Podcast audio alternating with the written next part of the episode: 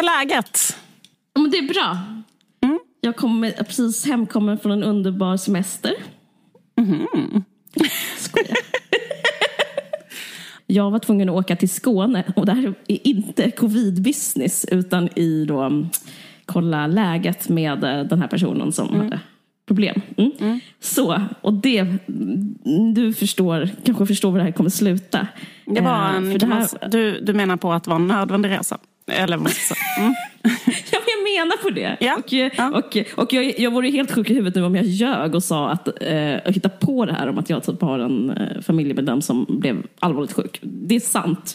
Så mm. jag var tvungen att göra en nödvändig resa. Och det här var precis innan Folkhälsomyndigheterna Alltså insjuknandet var precis innan eh, coronautbrottet i Sverige. Det är innan det blivit allmän smittspridning i alla fall. Och ja, jag, kan faktiskt, eh, jag kan faktiskt vara vittne ja. för att du ja.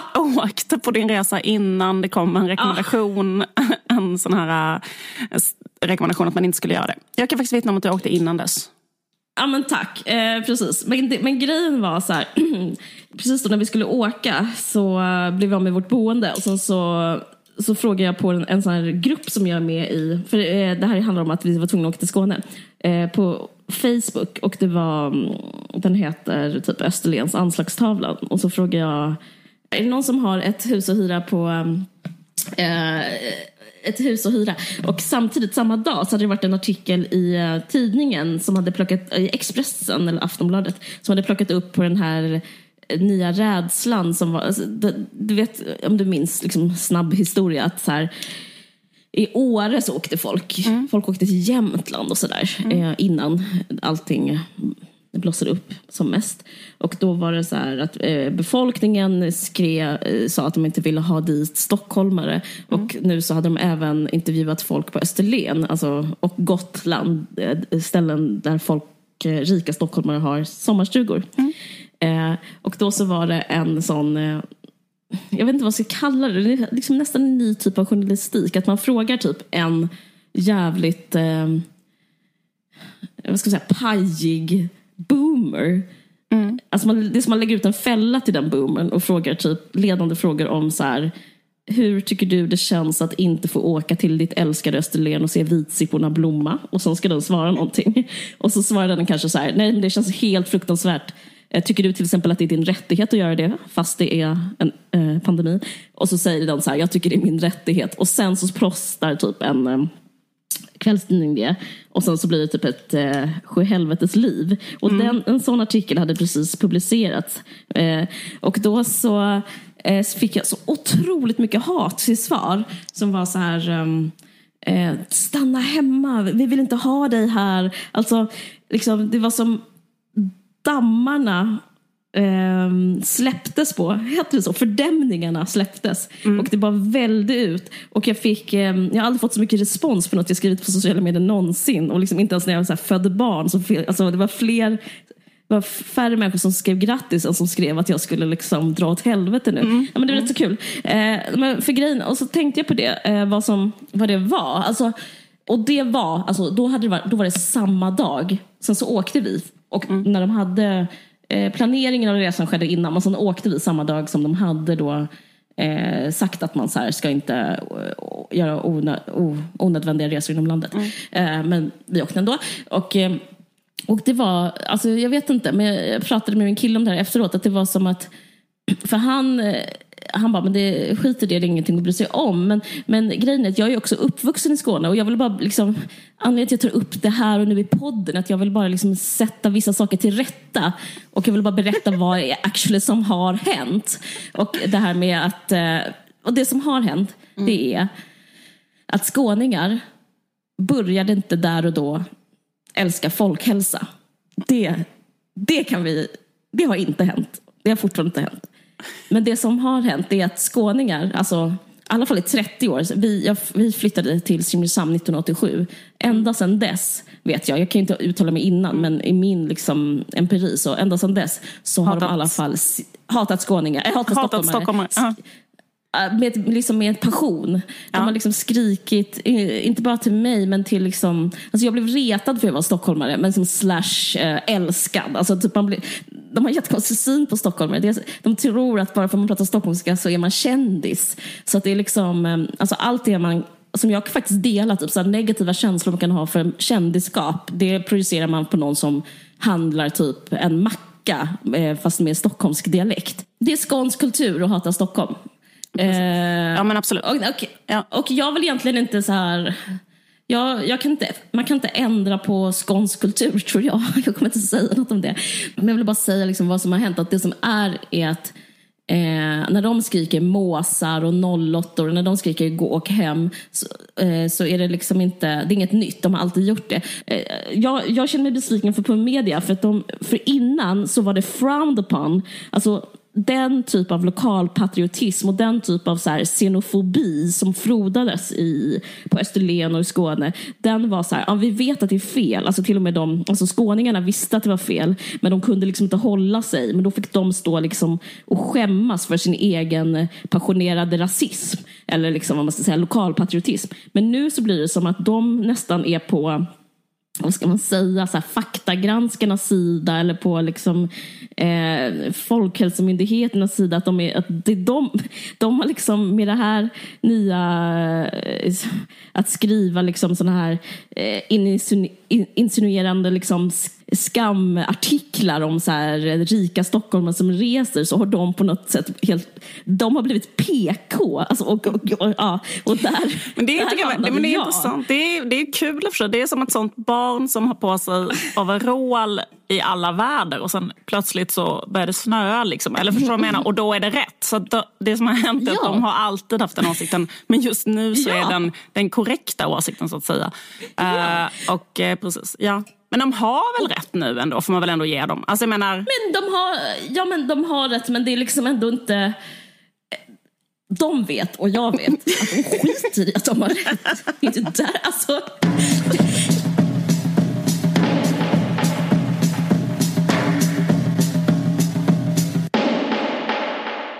Eh, jag tänkte prata om döden lite grann. Eh, som är ett mm. väldigt mm. tråkigt ämne och jag ber om ursäkt för det. Men om man håller ut och lyssnar ända till slutet så kommer jag också även prata om killar lite grann på slutet. Mm. Så det är en morot. Om man liksom... Verkligen. Hang in there. Jag, så, jag som precis hade tänkt lägga på. Men okej, vi fortsätter. Jag läste en bok som Sigmund Bauman har skrivit som är en sociolog och där skriver han om döden ganska mycket. Men, och då skriver han så här, väldigt intressanta teorier om det. Som är så att mm. när man lever själv så är det så himla svårt att liksom greppa döden, alltså vad fan det är för någonting. För det är liksom totala motsatsen till vad man själv är. Alltså det är då liksom den så totala annanheten. Att någon eh, att man själv skulle kunna som, sluta existera. Att det inte riktigt går att eh, ja, det går liksom inte att förstå eller typ teoretisera kring. Eller så, vad är det? Att man själv skulle liksom upphöra. Mm. Um, och eh, jag ehm, eh, liksom tänker på det, att det är det som är så märkligt med döden. Att det är så himla konstigt den här grejen att någon bara så här, försvinner, alltså liksom försvinner fysiskt. är så jävla konstigt. Eh, mm. och um, alltså jag eh, kommer ihåg när min pappa dog. Min pappa dog när han var 62 och då eh, dog han liksom väldigt plötsligt av en sån här eh, vad heter det, brock på kroppspulsådern. Så att han bara liksom... Oh. Eh, och, så, så, så, att liksom han... Och, men, men det som var så lustigt var att han hade varit hemma hos mig innan, liksom, några dagar innan i min tambur. Så varit hemma hos mig så. Och sen så dog han då, eh, några dagar senare. Och då liksom fick jag så från sjukhuset en vad heter det, kasse med hans vad heter det, kläder, kommer jag ihåg. Som han hade liksom haft på sig när han blev in, intagen. Och det var ja. så himla konstigt, jag upplevde den här grejen att man får så en Eh, alltså typ att jag har så hans byxor eh, hoprullade, alltså en väldigt liten påse. Och så var det liksom som att allting var så här, det var ett par byxor som var hoprullade och nerknölade i typ en sån, eh, som jag minns var det typ en systemet-kasse, men kan inte ha varit. Men alltså en så liten kasse typ. Eh, och en, en, eh, du vet, ett par skor utan fötter i. Ett par, eh, en skjorta utan, utan armar och kropp i. Alltså en hatt hade han också. En hatt utan ett huvud och en...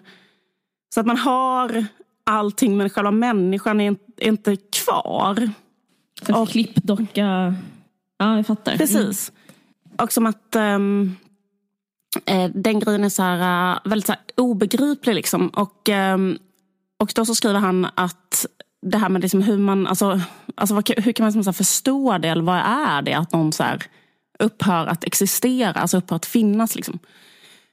Eh, och då Eh, och då pratar han om så här, eh, att man inte kan förstå det genom att tänka på sin egen död. För det, för det går liksom inte. För det för så här, eftersom jag tänker och jag finns så kan jag liksom inte tänka att jag inte tänker och inte finns. Liksom. Och sen så skriver han att man kan inte heller förstå det genom att tala, höra talas om främlingars död. Därför att liksom eh, att, han skriver så här, att höra om främlingars död måste ofrånkomligen bli en abstrakt eller liksom demografisk eller statistisk företeelse.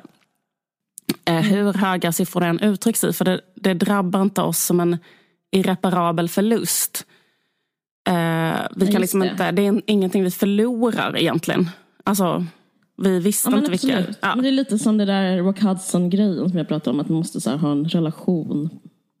Eller till en kändis i alla fall. Eller bara det är något. Liksom. Verkligen. Och det känns ju... Eh, för, för det han kommer fram till är liksom ja. att det finns en slags död som kan ge mm. en, en så här, vad han kallar för en så här privilegierad filosofisk erfarenhet. Och det är då ja. är döden av en närstående. Eh, för ja. att liksom, då, bara genom det, så kan man liksom förstå det en som... kunskap. Ja, exakt. Mm. Att det är så här... Mm. Jag känner igen det eller hur? Man, man liksom typ, um, för då, och då skriver han så här att man, genom det kan man få en aning om den slutgiltighet och den oåterkallelighet som varje mm. död och döden och vilken död som helst och bara mm. döden handlar om. Mm. Um, verkligen, verkligen.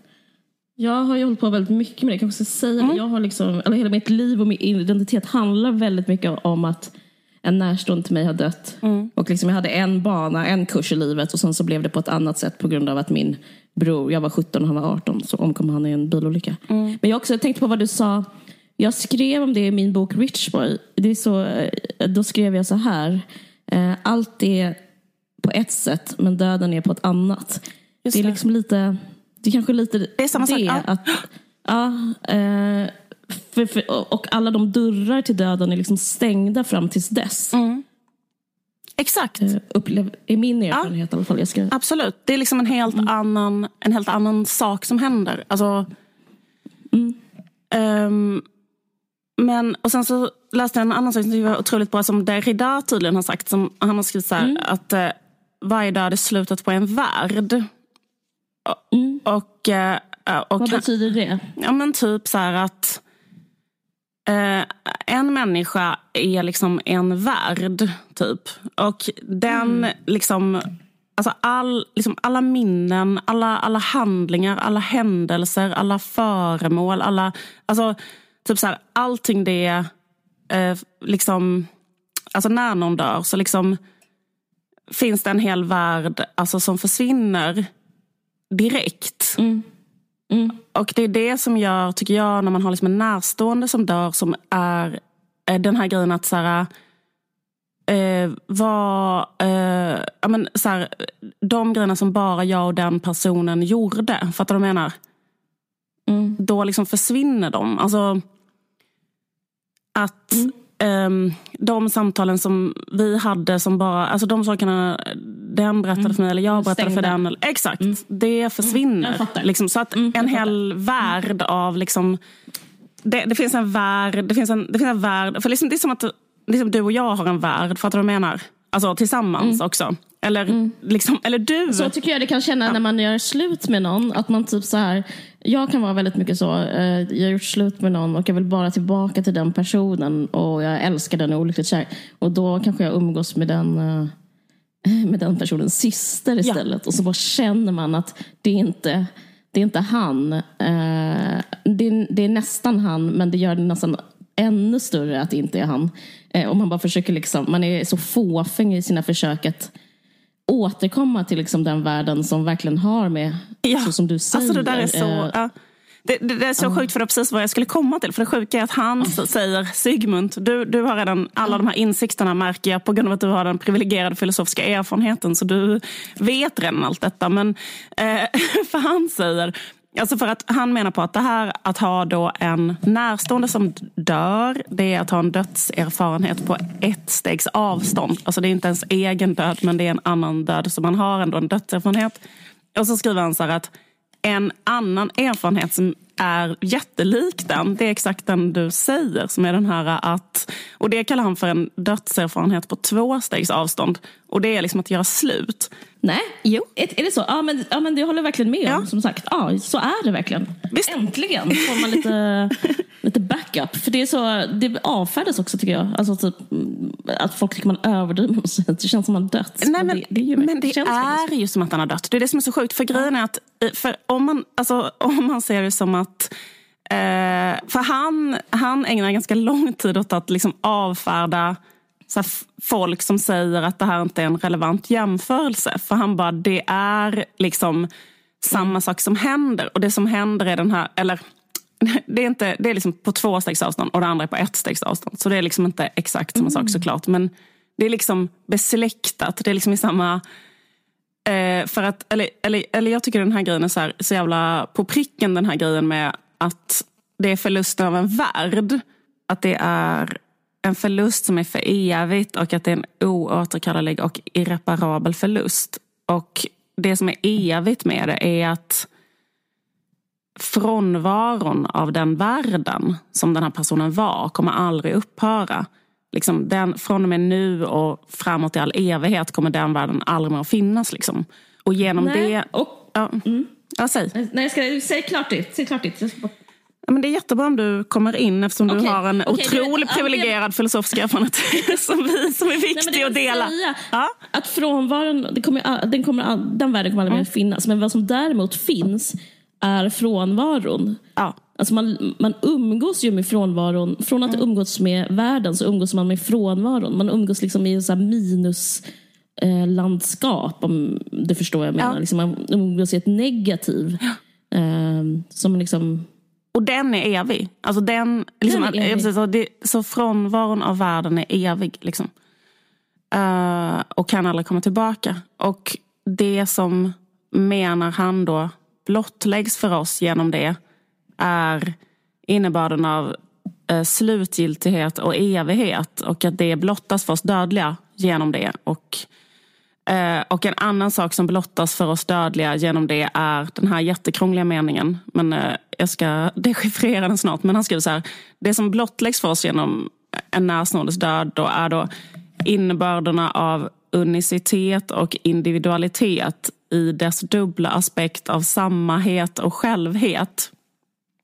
Och det tycker jag också så här, eh, liksom vad jag, hur jag, jag kanske inte kan tolka detta, men hur jag tolkar det är liksom att det man förstår är så här, vad är en människa? Liksom, en människa är en värld, som vi pratade om innan. Men liksom, liksom som att, så du är en värld till exempel och jag är en värld, men vi har liksom också en värld tillsammans. Och den, alltså när man har en relation, när man har en vänskapsrelation mm. eller whatever. Mm. Mm. Och då har liksom, så, så vi är, vi är liksom, alla människor är evigt unika och evigt eviga individer. Trevligt. Men vi är också samma. Fattar du vad jag menar?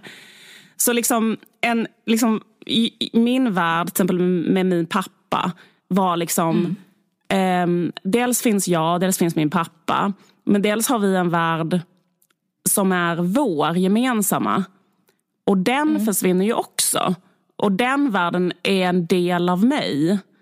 Så liksom mm. på det sättet så, så är alla människor liksom själv men också samma som någon annan. Därför mm. att våra liksom, minnen, samtal, eh, typ, liksom, förstår, förstår du vad jag menar? Saker mm. vi vet som har hänt. Sådär. Och, och det tycker jag var, blir så jävla tydligt det här då när någon försvinner. Så kan det kännas som att man själv, en bit av en själv försvinner. Mm. Och, eh, och det finns också massa sådana uttryck. Liksom så här, eh, eller hur? Mm. En bit av mitt hjärta är borta. Eller, alltså, eller sånt mm. här som man kan säga när, eller mm. såna massa sådana uttryck. Men jag tycker det, var så jävla, det, är mm. så, det är så jävla tydligt liksom att så här, en bit av mig finns i den här personen och när den är borta så försvinner jag på något sätt. Eller delar av mig. Mm.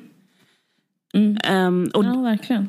Och det var bara så här, det, jag tyckte det var så jävla intressant att tänka på också för att liksom Eh, eller bara så här, för det, eller just att jag tyckte det var liksom, för man kan vara så ledsen när man har näsan som dör, men det var så här, någonting lite positivt, liksom så här, det var liksom att se det pytte lite positivt, att man kan få så här, intressant filosofisk erfarenhet av hur det var det att vara en människa, vad det är att ha en relation med andra människor och sådär.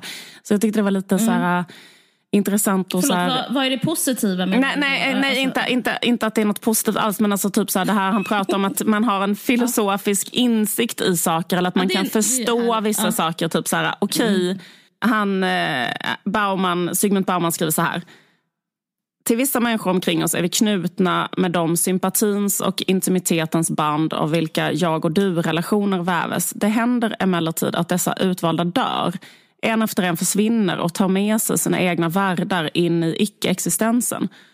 I de mm. flesta fall ersätts de inte och i inget fall ersätts de fullständigt.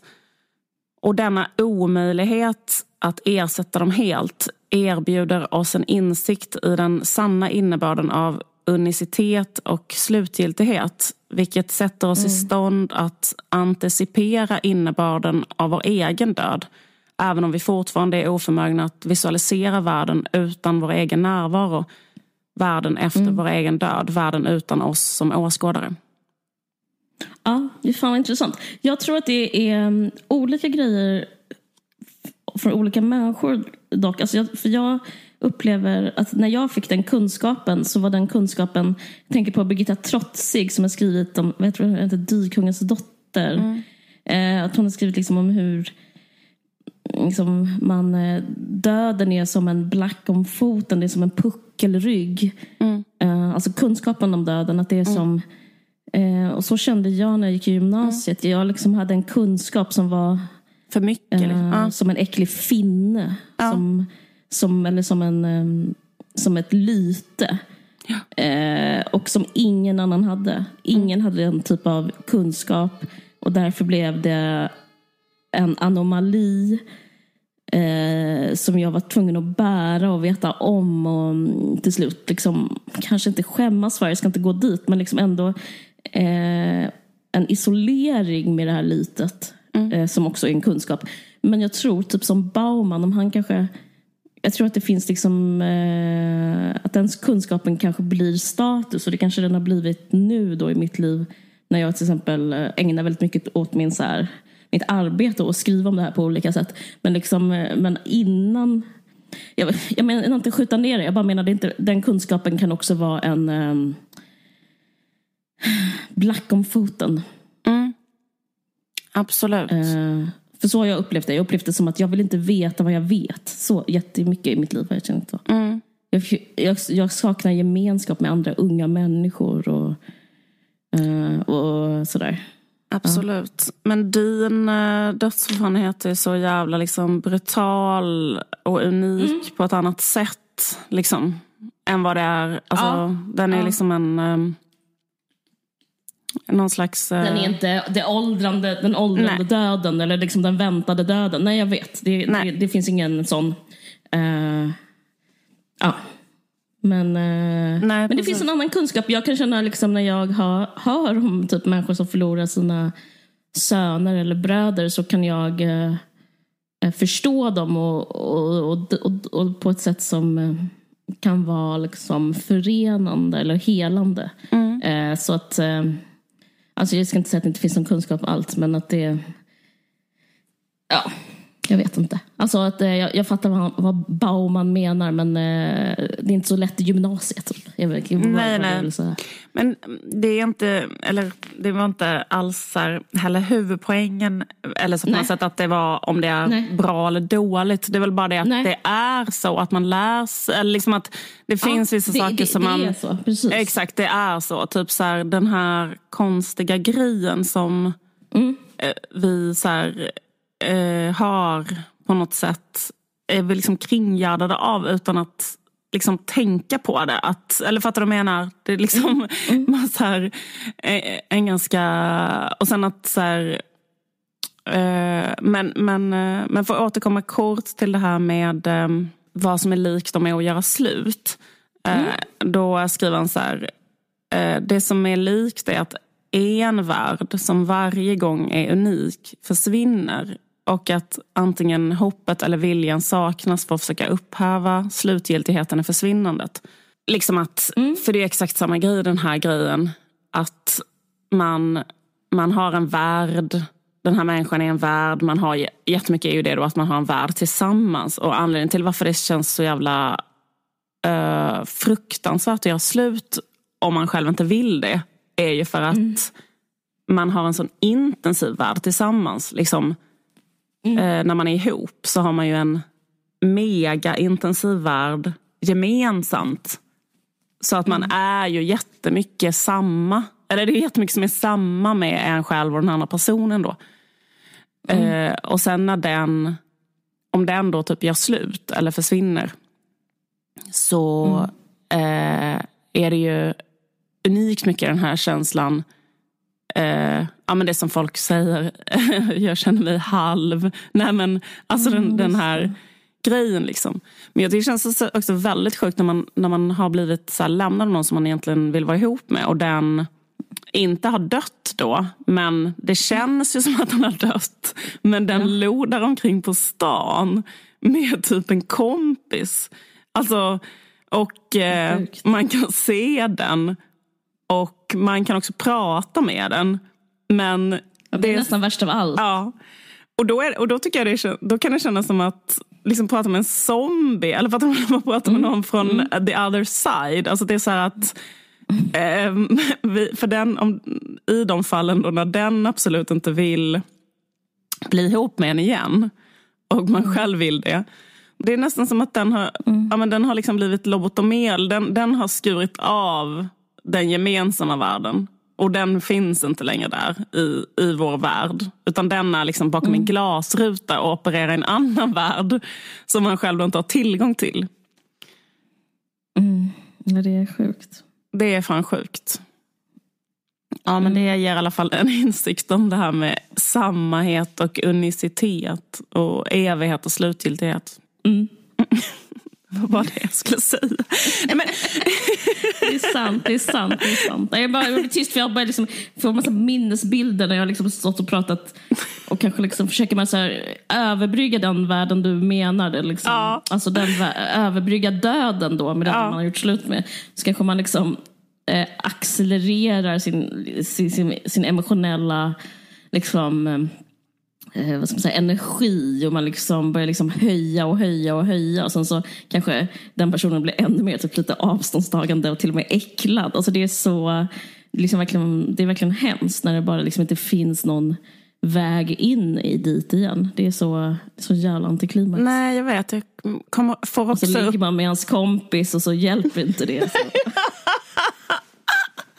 Nej, inte ens det hjälper. Det är så mm. tufft. Nej, men anledningen till att man ligger med hans kompis är för att man vill i, tillbaka in i världen. Ja. Alltså, man vill ju man vill ju... Ringer man hans mamma. Ja, hjälper inte det. Nej, Nej, det är så man, man, ligger med hans kompis för att man vill prata om honom och hur han... Ja. Alltså, man, ska liksom, man, man vill... Kristina Lugn hade väl ett sånt förhållande? Hade hon inte det? Jo, det är så jävla kul. Vi har redan berättat det här i podden men jag måste berätta det en gång till. Det. Nej, eller, men vi jag... kanske kan unna oss att ha våra goa historier. för det har andra poddar har jag märkt. Alltså att man återvänder till vissa så här favoritanekdoter. nej, men, men, men, Sonny, ja, du kan berätta. Men, ja, nej, det var att Kristina Lund har berättat att när hon gick i gymnasiet så var hon så otroligt besatt av poeten Sonja Åkesson. Och det var för att ja. Sonja Åkesson hade kommit till hennes gymnasieskola och hållit ett föredrag där. Och då hade hon somnat under tiden hon höll föredraget. Och det gjorde ett sånt ja. otroligt intryck på Kristina så hon var så här, alltså, är... Sonja hade själv somnat ja. under sitt föredrag. Exakt. Sonja satt där framme vid en aula och liksom nickade till mm. under tiden hon, hon skulle berätta. Hon är en poet för de som inte vet. En, en, ah. mm. Hon är en otrolig svensk poet. Och då blev mm. Kristina Lugn så jävla besatt av henne. Så hon bara eh, ville på alla sätt liksom komma nära henne. Och det sättet hon mm. kom på var att börja skriva brev till Sonja Åkessons eh, man, dåvarande man. Mm. Och då mm. blev han jätteglad att typ en snygg ung tjej liksom skrev brev till honom. Så han började brevväxla med henne och de startade en, ett förhållande. Och sen så blev de ihop och då lämnade han Sonja och då bodde Kristina Lugn och Sonja Åkessons exman tillsammans i ett kollektiv i Stockholm i en pytteliten, pyttelitet rum. Och i det rummet hade de en enorm stor bild på Sonja Åkesson på väggen och sen låg bara båda två på en smal madrass och tittade på den bilden på Sonja Åkesson. ja, det är sjukt. Men, jo, men det här med att man har en känsla att man vill komma in i den världen igen. Och eh, eh, tillbaka till att så tycker jag det är när man har en när man har förlorat en värld i form av att ha förlorat en närstående så kan man också bli mm. väldigt besatt av gemensamma bekanta eller andra människor som kände mm. den personen eller har bara något minne eller något sånt där. Att man liksom, det blir som att man letar mm. efter små eh, stoft av någon man kan återupprepa mm. den världen med. Att så här, kan vi sitta och säga, ja ah, just det för att han brukar alltid göra så här. Eller, alltså, bara sådana saker mm. blir väldigt, så här, mm. blir väldigt eh, värdefulla. Men jag tycker det är rätt svårt för det, det får oftast motsatt effekt. Om man nu lämnar det här med parförhållanden och pratar om döden igen. För jag minns att uh, vi bodde i en villa i uh, utanför Simrishamn, jag och min familj som sen såldes efter min brors död. I alla fall, hans rum var kvar, hans garderob var kvar och jag liksom gick, brukade gå in i hans rum och öppna garderoben och typ ta fram hans tröjor. Alltså lite så som du beskrev. Mm. Eh, men eh, för att jag ville komma nära honom. Och då så märkte jag, och så tog jag hans tröja, jag kanske luktade på den och även typ om en tröja, jag minns så här, ulltröja med så här eh, på armbågarna så fanns det så skinnlappar. Det är lite så intellektuell brittisk stil som mm. han eh, var inne på sista året. Um, han dog i Skottland för han var där på en resa med elevrådet. För han höll på mycket med typ så här, mänskliga rättigheter och filosofi och poesi. Så han hade den stilen. Så gick jag in dit och så luktade jag på den och så luktade han. Men att det fick en motsatt effekt. Eh, och då, det fick en, eh, jag minns det som att allting som, eh, alltså, allting som skulle kunna vara en väg in bara blev en väg ut. Mm. Alltså som du säger, för han var inte där. Och, eh, ja, mm. Det är lite, lite samma sak som att, så här, att ligga med någons kompis är ännu mer en påminnelse om att det är inte han, ens ex man ligger med. Liksom. Nej, mm. exakt. Det är, um, det är liksom så konstigt det där att uh, uh, det är det som är hela, ja precis, det är det som är den här eviga frånvaron som är så här. Ja. Ja, men det är sjukt det, det finns liksom andra sätt, alltså det finns liksom nästan som att fantasi är bättre än verklighet då, i min erfarenhet. Att liksom att, att tänka och drömma är liksom, eh, tar en dit mm. lättare än att liksom actually hitta i och med att man kan inte övervinna döden, man kan inte övervinna de här olika stängda världarna. Man kan inte öppna de här stängda världarna med att till exempel, eh, jag kan inte gå med i hans eh, filosoficirkel för det. Eh, men istället så kanske jag kan tänka vem han var där. Mm. Och, och, och, för mig har det i alla fall varit ett sätt att så komma, det, det har varit en väg runt det lite liksom. Men för i, för i världen finns det inte. Här finns liksom inte något. Nej, det har du verkligen rätt det, det som finns är i ens eget eh, huvud, liksom, eller man ska säga. Ja. Att, eh, och det är väl därför man kan tänka sig också att folk har föreställt sig mycket sånt att Eh, ja, men att folk finns kvar i någon mening. Eller vet, så här, hela den här grejen. Alltså, för jag kan också uppleva det att mm. man kan till exempel, eller att, eh, eh, att man kan typ fråga grejer. Alltså, eh, till exempel till den här personen som har dött. Mm. Och då upplever jag att man ganska snabbt eh, kan föreställa sig ett svar. Alltså typ att Alltså kan jag göra till exempel fram min pappa. Min pappa. Det kanske är en roll då som är, nej men typ att man frågar mm. vad, vad tycker du om det här? Och då så jättesnabbt så, eh, förstår du vad jag menar? Får jag fram mm. vad han skulle ha sagt typ. Mm. Absolut. Så där kan jag bara tänka så här, Kristoffer skulle ha hatat den här personen. Just det. Men Kristoffer skulle han var en tönt. Det känns, då känner jag en slags närhet. Eh, för att man vet vem den är. Liksom man vet vem man har förlorat. Ja. Det tyckte han om alla, så det är precis det jag tyckte om rätt många. Det, var, det är bra. Det är en bra egenskap. ja. Världen är varit proppfull med töntar. Så det... Nej, men alltså, jag tänkte faktiskt också på en annan grej. Som är så att jag, folk som jag mm. känner som har Mm. Eh, haft någon närstående som har dött. Även så en förälder. Eller, alltså en, till exempel om man haft en förälder som har dött när man har varit eh, tonåring eller så. Förstår du? En förälder som har dött mm. eh, ändå ganska mycket för tidigt. Liksom. Alltså det här är liksom en generalisering, men jag bara började tänka på det när jag tänkte på den här grejen, likheten mellan att göra mm. slut och döden. Liksom att eh, mm. De människorna, upplever jag, har, har haft så här jävligt mycket större problem än andra vid separationer. Alltså vid eh, göra mm. slut eller överhuvudtaget vara ihop. Alltså det här är, eller, eller liksom inte alla, men jag kan komma på så många exempel. Alltså typ att man blir så här, man är överkänslig. Fattar du vad jag menar? Så man är så över, eh, hela tiden så överaktiverad. Typ så här, om man, även om man haft så här, typ en mamma som har dött eller något liknande. Så bara blir det så att ja. efter det så är det så här, nej men nu står inte jag ut med det här. Att, eh, alltså, och redan på första dejten är man så. Att så här, ja det hjälper inte att vi har setts en gång, vi kan ha setts en timme. Utan bara det att du potentiellt inte liksom, alltså att du ska ta de här minnena och den här världen vi hade nu och, och, och ta den med dig, promenera iväg. Eh, det gör mig så jävla överkänslig så att jag klarar inte ens av typ nästan den första kontakten med dig. Typ så kan det bli. Mm. Och också så att man mm. absolut mm. inte vill göra slut eller klara det. Och det blir Nej. så svårt. Eller liksom det blir så svårt eftersom vi nu lever i en sån epok. Eller liksom hela vår tidsepok går ut på nu att vi ska liksom ha en sån flytande modernitet där vi hela tiden ska typ lösa upp alla band vi har till varandra liksom hela tiden. Nej, men typ att det är så här, nej men varför kan ja, inte du dejta? allt man har. Liksom. Ja, Ja, men typ så att man ska typ dejta hundra män, alltså så här, och, och, och liksom, nej, men dejta hundra människor i veckan och typ eh, hela tiden ha så här hej då, hej, hej då, hej, hej då, hej. Alltså det är liksom det enda man... liksom, och... Um, han, och han skriver också om det, Sigmund Bauman. Han, Jag måste bara ha den här fina, fina formuleringen som han skrev om det. När de mänskliga banden i den flytande moderna eran blir uppenbart sköra och tills vidare betonade förvandlas livet till en daglig repetition av döden. Och livet... det är så bra! Uh.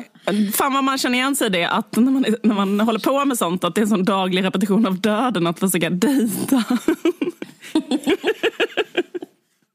Så sant.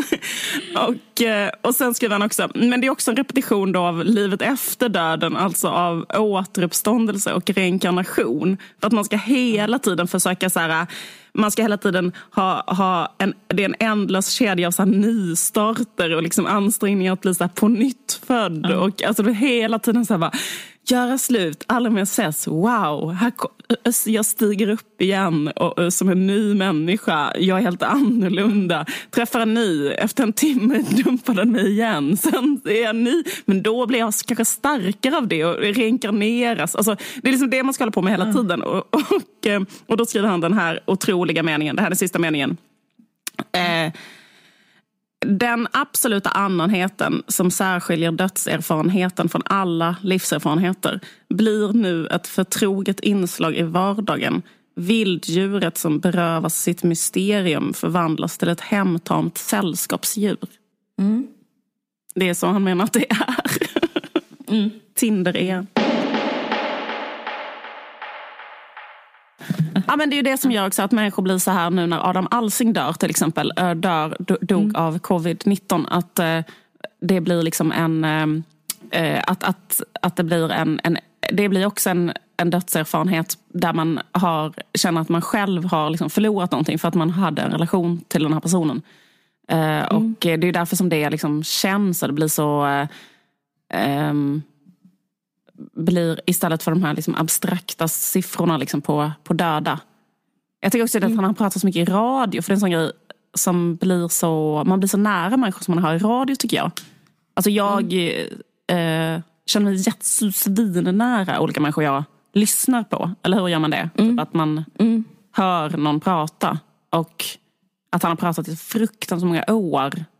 Alltså i radio tror jag gör att folk har så sjukt, liksom känner så himla stark mm. nära relation. Liksom. Uh, vilket gör att den förlusten blir så tydlig. Liksom, att det blir som att man för, förlorar en del av liksom, en, uh, av sig själv, om man ska uttrycka sig i de här termerna. Därför att den här då mm. världen försvinner. Verkligen. Så, det, så var det verkligen med Adam Alsing. Mm. Det blir liksom svårt att gå med på. Mm, verkligen.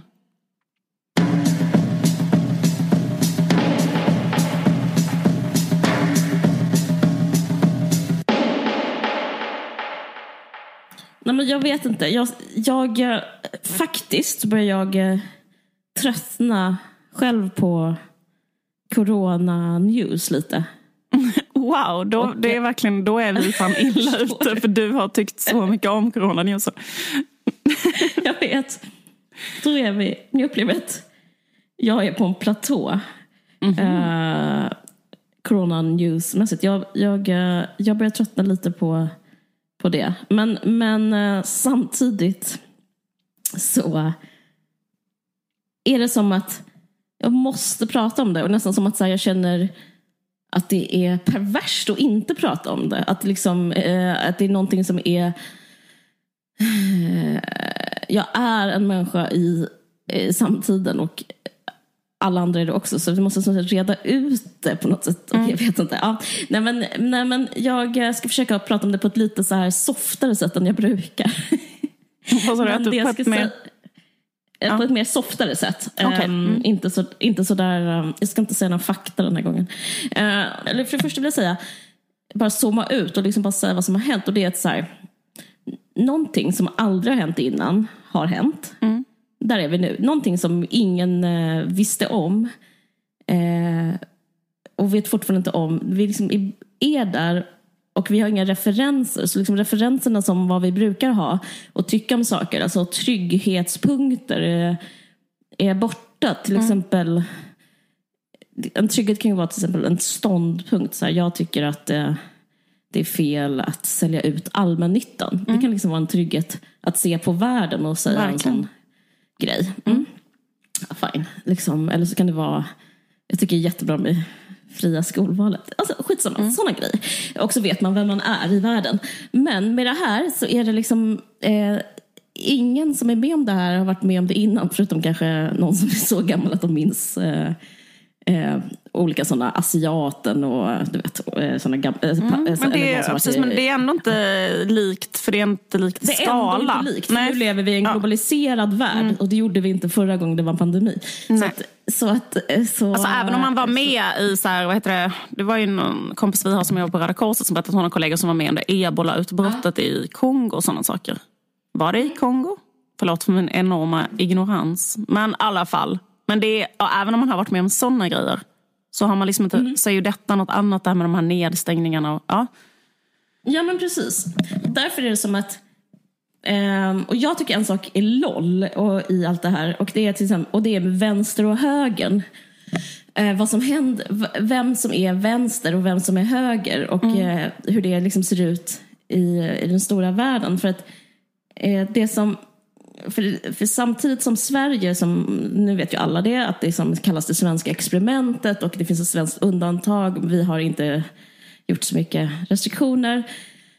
Samtidigt som att vi gör det så gör andra världen på ett annat sätt. Och i, i USA till exempel så eh, har de bytt ståndpunkt. Och, och det här är liksom i förhållande till Sverige. Och jag läste en eh, väldigt intressant artikel eh, i Vanity Fair som handlar om att vänstern har blivit eh, eh, nya högern och högern har blivit liksom nya vänstern. Mm -hmm. eh, eh, och eh, för de som, för, och med Sverige som riktmärke har de ju skrivit mm. den här artikeln. Mm. Den heter Can you beat covid-19 without a lockdown?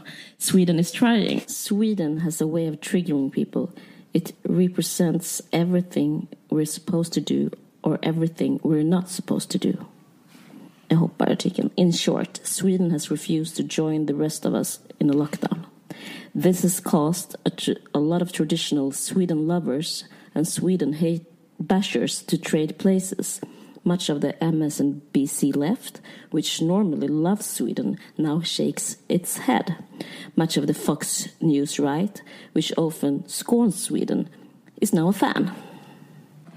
I tisdags, um, den 21 april, skrev också The Guardian om det här nya skiftet där eh, högern har eh, börjat eh, älska Sverige. Jag citerar från artikeln. Den heter The anti-lockdown protests are about more than just quarantines. Det betyder att eh, det handlar inte bara om att de vill ha eh, öppna upp samhället på grund av ekonomin utan att vara en pro um, nej, en anti-lockdown person är också att vara en att vara för abort och mot invandrare. Det, det är lite lustigt. Uh, jag citerar. Although officially protesting against the lockdown's economic costs and what they viewed as infringements on their liberty, alltså begränsningar av frihet. The protesters were expressing the usual hodgepodge of right-wing grievance, as always, opposition to abortion and immigration and support for President Trump and the Second Amendment were prominent. But perhaps my favorite slogan was a surprising one spotted at a rally in Minnesota. Be like Sweden. Ja, det blir det. Eh, den här grejen att Sverige har alltid varit då en symbol för något äckligt socialistiskt. Eh, jag fortsätter läsa. For years, Sweden has been the poster child of the US far right's feverish dystopias of European socialism. Breitbart, den här tidningen in particular, has an unhealthy obsession with the country. To see American right-wingers champion one of the few European countries still governed by a left-wing government is therefore truly astounding. Jag tycker också det är astounding. Vad händer? Eh, I hela Sverige nu då right-wing utan att någon vet om det. Vad försöker protesterna? Vad, försöker, vad säger de oss? Uh, be like Sweden. Nu har börjat Trump, eh, först var han så emot Sverige, eh, han bara people are dying, men nu så har han börjat med så att öppna upp och det har liksom blivit, blivit en jättestor liksom, grej i USA med så demonstranter. Uh, we have the right to shop, we have the right to live our lives. Och typ, alltså i, i, USA är det en höger och vänsterfråga. De som vill ha lockdown är vänster och de som eh, vill ha öppet, öppna samhället är höger. Och båda använder liksom Sverige som argument. Nej, men jag bara tycker det är intressant, för i Sverige samtidigt så är det... Alltså jag tror att det som har hänt är att vi inte hängt med och jag tror USA kan berätta någonting för oss om vad som händer här, fast vi inte vet det. För att vi är så vana vid liksom de gamla referenserna. Liksom. Eh, när, när det egentligen är... Alltså jag har liksom haft svårt att liksom förstå varför jag har varit så kritisk mot att vi har så här, en öppet sätt, att vi, har en, att liksom vi inte har restriktioner. Så försöker liksom, det liksom känns så olikt mig. Jag pratade om det här innan. För att så här, men jag, jag brukar liksom inte tycka så som, äh, men som Hanif Bali mm, gör. Och jag mm. brukar inte tycka så som Walodarski och olika DN-skribenter. Och, och jag ska inte säga om det är vänster eller höger. Men jag lutar åt att mitt... Alltså nu när jag läste det här om att vänstern i USA använder Sverige som motargument för deras, liksom, att det är mer vänster och för det är mer jämlikt att ha liksom en lockdown. För att, om, anledningen att Trump vill ha inte lockdown det är för att det, han är liksom ultraliberal. Han tänker så här att så här, de som klarar sig klarar sig. Och, de, och liksom, de som klarar sig är ju de rika och de som inte klarar sig är de fattiga. Alltså, det är verkligen så den amerikanska modellen. Så här, om, om du lyckas själv eh, så är det bra. Men liksom, vi, ingen kommer hjälpa dig att lyckas. Men, eh, och eh, alla får liksom klara sig bäst de vill. Ja, jag vet inte. Och det, och det liksom fick jag, eh, någon slags, jag fick en slags förståelse för vad som hände här. Varför jag liksom haft in, varit emot det. För jag tycker, för det finns liksom någonting som, jag tror att jag har missförstått också. Eh, jag har missförstått FO, eh, alltså Folkhälsomyndigheterna. Jag har inte fattat vad de velat. För jag trodde att det naturliga var, för det som skiljer Sverige är liksom inte bara det här med restriktionerna, utan som skiljer Sverige är att de har uttalat att de eh, vill inte stoppa smittan Nej. utan de vill hindra den. Och det, det, har liksom inte jag förstått i grunden innan. Men det, det, har de ju sagt nu så himla tydligt så det förstår jag. Och det, jag tror det är där hela liksom grejen brister. Eh, för att, och jag tror det är den grejen man kan prata om som jag behöver inte prata om det i politiska termer utan liksom också filosofiska. Jag, jag, jag hörde ett program eh, på P1 med den här filosofen Torbjörn Tännsjö. Mm. Han själv är utilitarist. Mm. Och eh, det betyder det som är bäst för de flesta. Och är, bäst, är, det bäst, det, är det moraliskt rätta? Är, ja. Är det moraliskt rätta? Ja. Och då sa reporten så här, ja men du vet att det går mot det går mot vad vi har som eh, lag i Sverige. I, man pratar om, alltså, specifikt om sjukvården och mm. intensivvårdsplatser. Eh, för då sa Torbjörn Tännsjö att, att, han argumenterade för att man skulle eh, värdera människors vård, att få vård, efter kronologisk ålder. Det betyder de yngsta ska gå före de äldsta för mm. de har större nytta Alltså man kan räkna ut att de får större nytta liksom i år, i flera... Mm. De har ett helt liv framför sig. Mm. Men det går emot hur... Uh, tydligen, visste inte att det var en lag, men tydligen att uh, vård efter behov mm. är den, det som vi har. Jag säger inte att uh, Folkhälsomyndigheterna har den uttalade strategin, men, men det känns som att för de allra, det här med liksom att att, att bara hindra spridningen av smitta och så är liksom bäst för i det stora loppet. Förstår du vad jag menar? Det är liksom så här, men det är bra för sjukvården hinner, hinner med och kunna ta hand om alla och det är bra för eh, eh, att få flockimmunitet och det är bra för eh, eh, liksom ekonomin. Alltså det är jättemånga vinster med att ha så här öppet så som mm. vi har det. Men det som jag har förstått om mig själv och jag som är emot det och liksom som för mig är en vänster eh, smärtpunkt det är liksom det oromantiska i det. Att det är liksom så icke-utopiskt. Som också går emot liksom det som vi brukar förknippa med Sverige. Som är att rädda alla liv. Mm. Att stoppa all smitta. Att det liksom är högsta prioritet. Att det är viktigast av allt. Eh, att, liksom, att det inte är så. Det är det som liksom har fått mig att eh, liksom thrown off. Mm, det, mm. det, där har liksom de tappat mig. Mm, mm, för det är det som är... För idén att inte rädda alla liv utan mm. beräkna. Eh, alltså vissa så här amerikan, alltså, eller engelsk press och amerikansk press har ju väldigt så här, pratat om rysk roulette och så här, spela med människor. Det är inte det jag försöker säga. Men, men göra en uträkning. Eh, det är eh, som liksom, ja, de här jag kanske fattar. kommer förlora mm. på det. Ja, liksom, ja, det, det är eh, det är liksom nytt. Alltså det är nytt i den här, eh, nytt för oss som svenskar också tror jag. Så att liksom, därför blir liksom alla Mm. Okej, Stefan Löfven, vi har alltså, lita på myndigheter och lalala, allt det där känns liksom, det ser ut som så här socialdemokratiskt och det ser ut som lite åt vänsterhållet. Men, men själva budskapet som då Trump har, jag har inte förstått det förrän Trump tog upp det, det är ju eh, super, eh, och det här står i den här Vanity Fair-artikeln också, att det är eh, nyliberalt. För det som man gör då kanske inte är det som är Socialdemokraternas eller Folkhälsomyndigheternas liksom största vinst. Men det som man gör är att man låter eh, de starkaste man låter liksom marknaden vara kvar. De starkaste överlever och man låter marknaden vara viktigare, att marknaden är kvar. Alltså man, man liksom behandlar det som att även det här sker i en marknadsekonomi. Och det gör man inte när man gör en lockdown. Då tänker man att marknadsekonomin är på andra plats. Det, det, det tycker jag gör det hela svårt. Det är därför, och det är det som gör